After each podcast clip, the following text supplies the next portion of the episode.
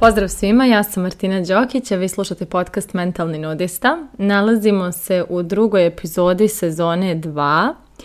i nastavljamo u ruhu definicija, odnosno sve, svih nekih nametnutih definicija po kojima mi pokušavamo da živimo ili smo naučeni da treba da živimo, a koje na mnogo načina određuju kvalitet našeg života i to često na vrlo, vrlo negativan način. E pa prije nego što skočim na samu temu, Htjela bih prije svega da vam se zahvalim na ogromnoj podršci koju ste e, mi pružili za vrijeme prošle nedelje kada je izašla nova sezona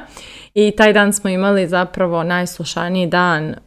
podcasta od kad je nastao, tako da hvala vam puno na svim šerovima, na svim preporukama, na svim porukama jer sve to je nešto što mene toliko ispunjava i raduje i preplavljuje i više ne znam ni kako se ponašam, ali sam stvarno, stvarno presrećena i hvala vam zbog toga i na tome. E sad, da malo predstavim e, današnju temu. Nastavljamo, kao što rekoh, da pričamo o definicijama, a tema današnjeg, e, današnje epizode je robovanje titulama. I to e, robovanje titulama na dva načina. Jedan je taj da robujemo titulama koje imamo i dozvoljavamo da one definišu to šta je za nas adekvatno, a šta nije. A drugo je da robujemo tome što nemamo određenu titulu, pa onda na neki način to definiše naš život, naše mogućnosti, našu ideju toga kakve potencijale imamo i samim tim opet jeli robujemo nekoj definiciji kao koju bi neka titula trebala da nam da, ali mi je nismo dobili pa nemamo ni to nešto što ta titula nosi. E, naravno, dok o ovome pričam, najveći je akcenat na formalnom obrazovanju i na nekim zvanjima i titulama koje to formalno obrazovanje donosi, odnosno šta nam, šta, šta nam je usađeno povodom diplome i svega o tome. E, zatim pričat ću malo i o, i, o, i o tome koje pozicije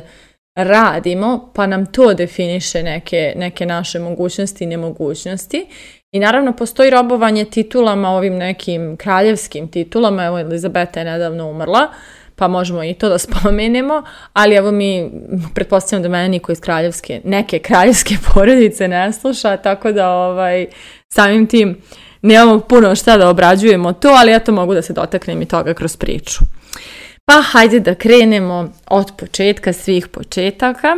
i e, malo e, ispričam o tome zašto mi to robujemo titulama i kako je uopšte došlo do toga i da li vi uopšte primjećujete to koliko tome robujete. Ja ću naravno ispričati kroz svoj primjer na koji način je mene to definisalo. Prije svega znamo da su jeli, većina naših roditelja ili možda i neki od vas koji ovo slušate ste živjeli za vrijeme komunizma i radili, funkcionisali i tada je postojala baš jasna razlika između ljudi koji su imali visoko obrazovanje i onih koji to nisu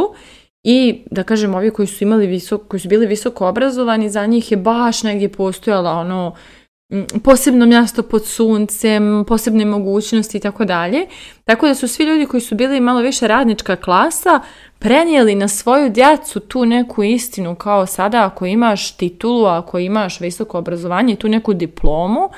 ti si onda bog otac i tebi su sva vrata otvorena i tebe ono, bacaju poslove na tebe kad izađeš s fakulteta bar je moja generacija odrastala s tom iluzijom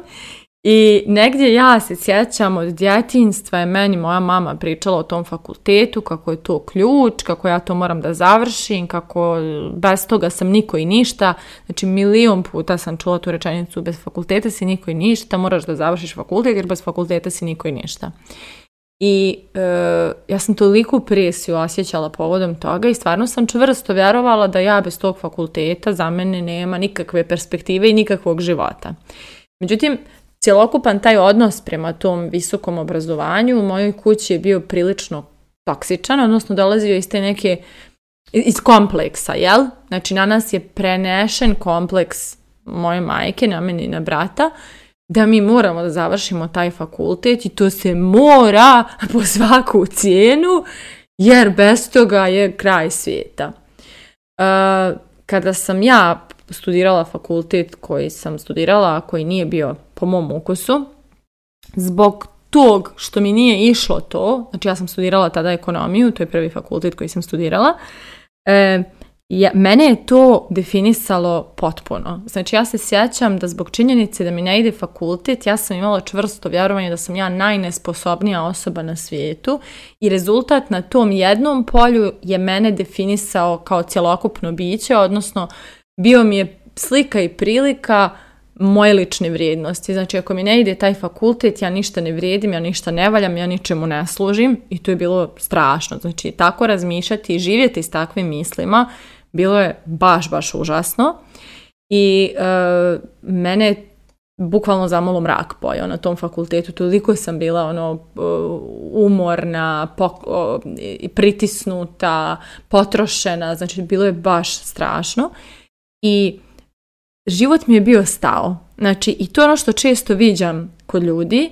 da e, kada krenu na fakultet, pa se tu nešto dešava, dešava, pa prestane da se dešava,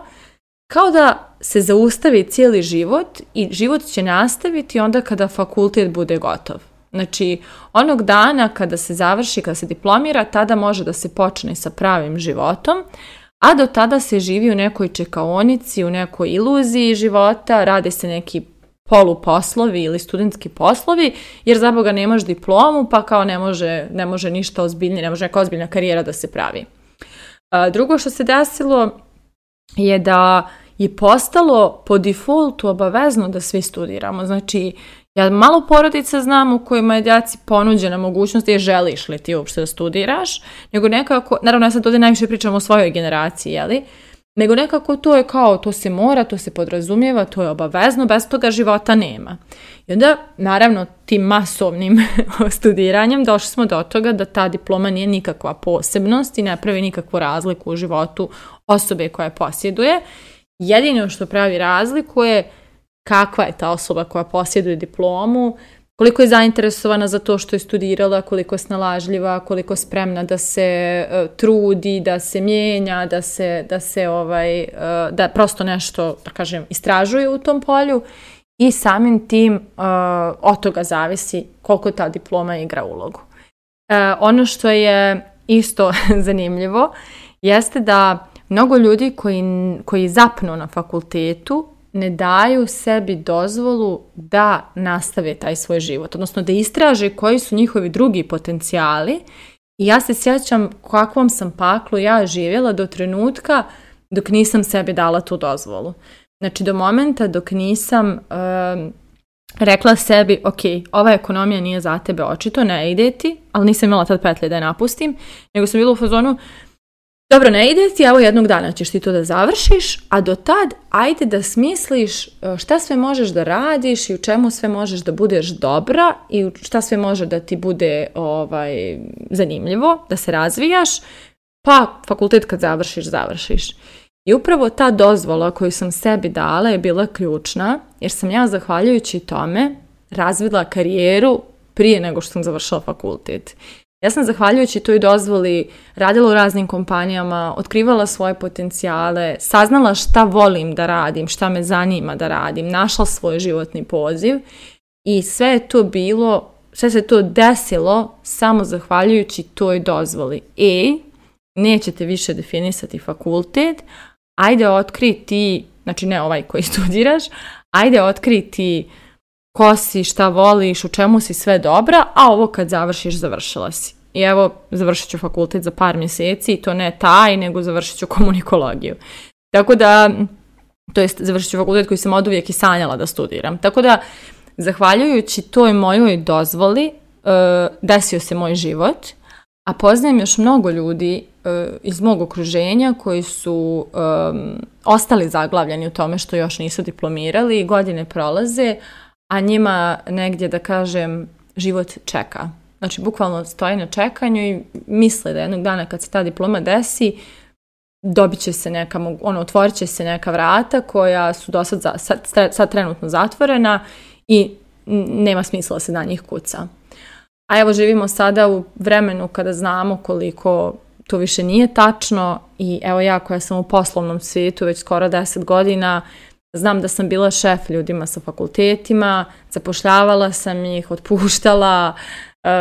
rukovodila njima i nije uopšte bilo razlike, niko nikad nije pogledao u to je ova ima diploma, nema. Znači, naravno, postoje branše u kojima je to bitno, hoću to isto da podvučem,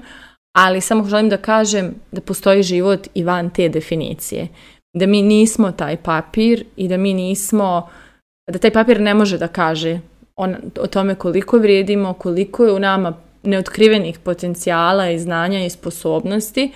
a nažalost oblikovani smo tako da vjerujemo da je u tom papiru sve. Drugo što je velika problematika e, jeste da kada ljudi imaju neku titulu, e, jako, e, jako dozvole da ih ona ograniči. Naprimjer, znam mnogo ljudi koji žele da promjene karijere, ali e, jebi ga, e, završili su, ne znam, pravo ili ovo ili ono i sad moraju da rade u tome, jer eto, to je njihovo zvanje, a odluku da će se time baviti donijeli su kada su bili jako mladi. Znači, mi upisujemo fakultet sa, sa, 17, sa 18 godina kada stvarno ne znamo ništa o sebi jer niti imamo neko životno iskustvo, niti nas je neki školski sistem naučio kako da spoznamo kosmo. Tako da mi tako negdje, mislim neko stvarno ima sreće da zna šta je, ko je, šta želi, ali većina ljudi lupi. Evo ja ću ovo, pa kao čini se zanimljivo i tako na pamet nešto od toga upišu i završe. I onda robuju tome ostatak života. Ostatak života rade u struci, ostatak života sebe nazivaju titulom te diplome i to je ono što je u našoj, našoj lingvistici zanimljivo, mi govorimo ekonomista, pravnik, um, ne znam, e, elektroinženjer i tako dalje. A na primjer u engleskom jeziku se kaže degree in a field of economics. Na primjer, znači diploma u polju ekonomije. Imam diplomu u polju ekonomije, a ne ja sam ekonomista. Znači,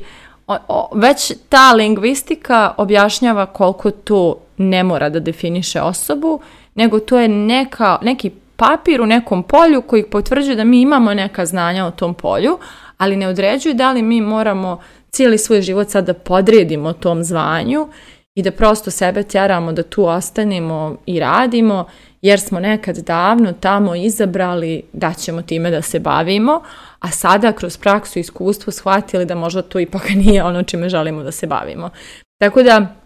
postoji i ta vrsta robovanja tituli,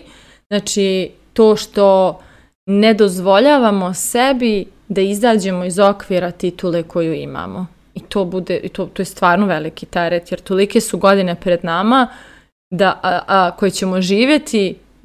koračujući pogrešnom stazom, samo zato jer mislimo da je prekasno da tu stazu promijenimo, odnosno da uradimo nešto drugačije u svom životu. Um, ono što isto često viđam, kada neko ima visoka zvanja i obrazovanja, doktor, e, nauč, ono, doktor nečega, pa kad je neko još naučnik i tako dalje, koliko često e, te ljude zna da ograniči ta titula,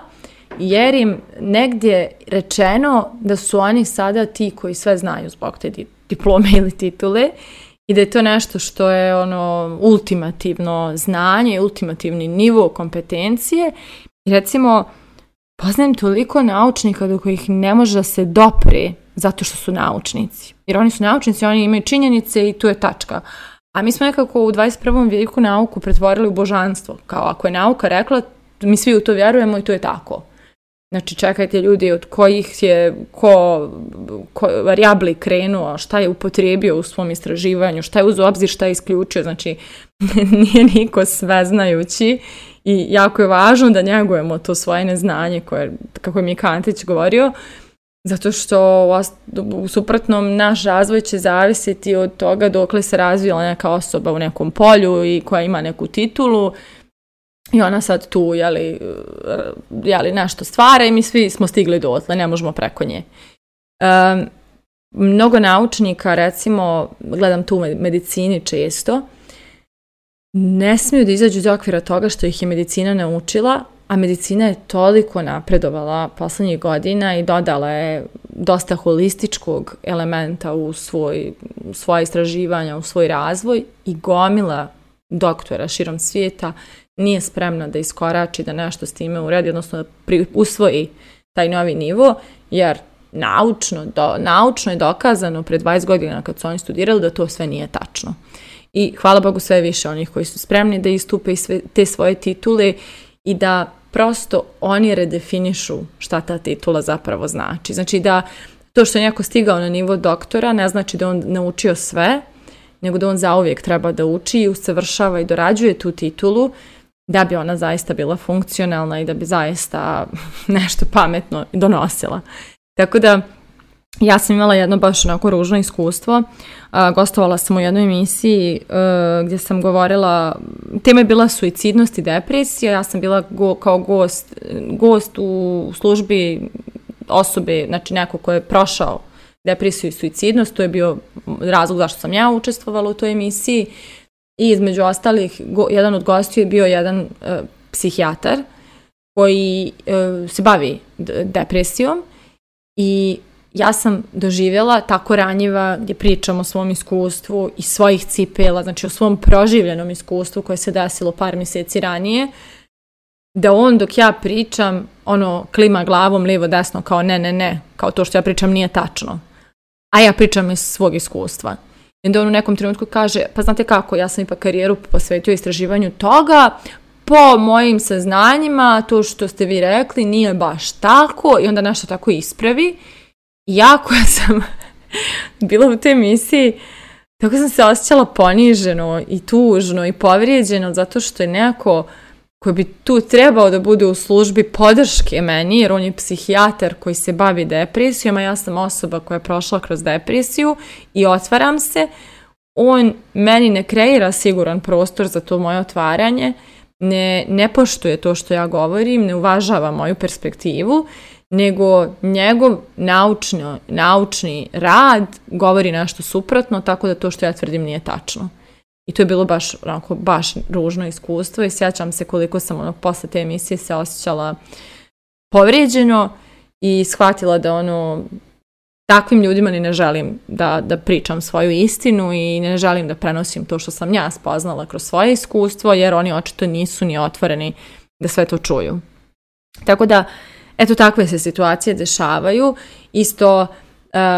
ne znam, vratit ću se opet na medicinu koja je naučila ljude da lijekovima liječe stvari. I evo ono što najviše viđam je, na primjer, insulinska rezistencija koja je sada jako, jako ono, rasprostranjena. To je bolest koja najviše nastaje stilom života, znači time kako se hranimo, koliko stresa podnosimo, kako prosto tretiramo i njegujemo sebe i svoje tijelo i onda li dođe do poremećaja hormona zato što ne radimo to kako treba.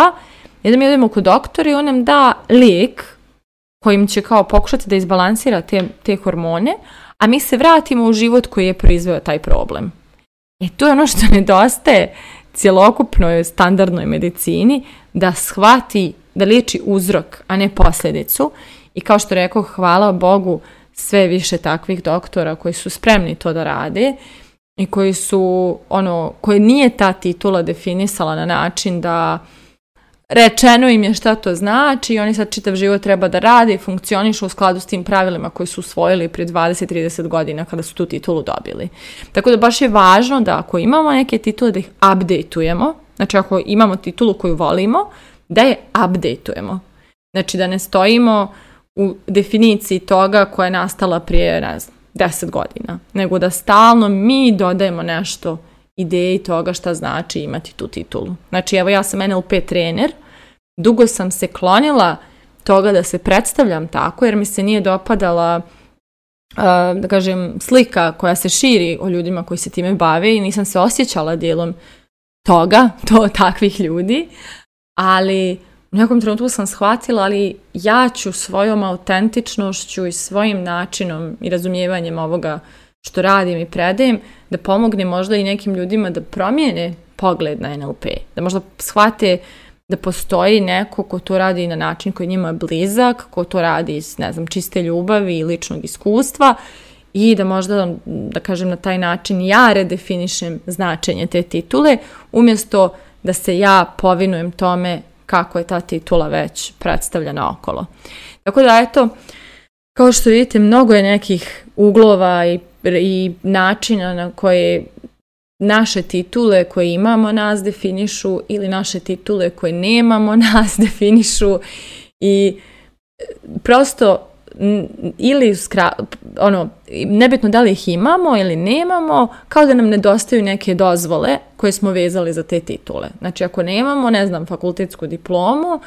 to znači da nemamo dozvolu da se prijavimo na neke visoke pozicije, da grabimo, guramo, da stignemo do vrha. Ja znam stotine ljudi koji su to uspjeli bez ikakve diplome, sad je svijet prosto vrlo otvoren za takve stvari, ali postoje ljudi koji i dalje žive u toj definiciji, zato mi je važno da to spomenem, jer možda neko od vas i dalje živi definisan time. S druge strane, nekog je definisalo to koju diplomu ima i koju titulu, koje zvanje i želi možda da promijeni svoju karijeru, želi možda da se otkrije u nečemu drugom, ali osjeća da je to zvanje ono na što se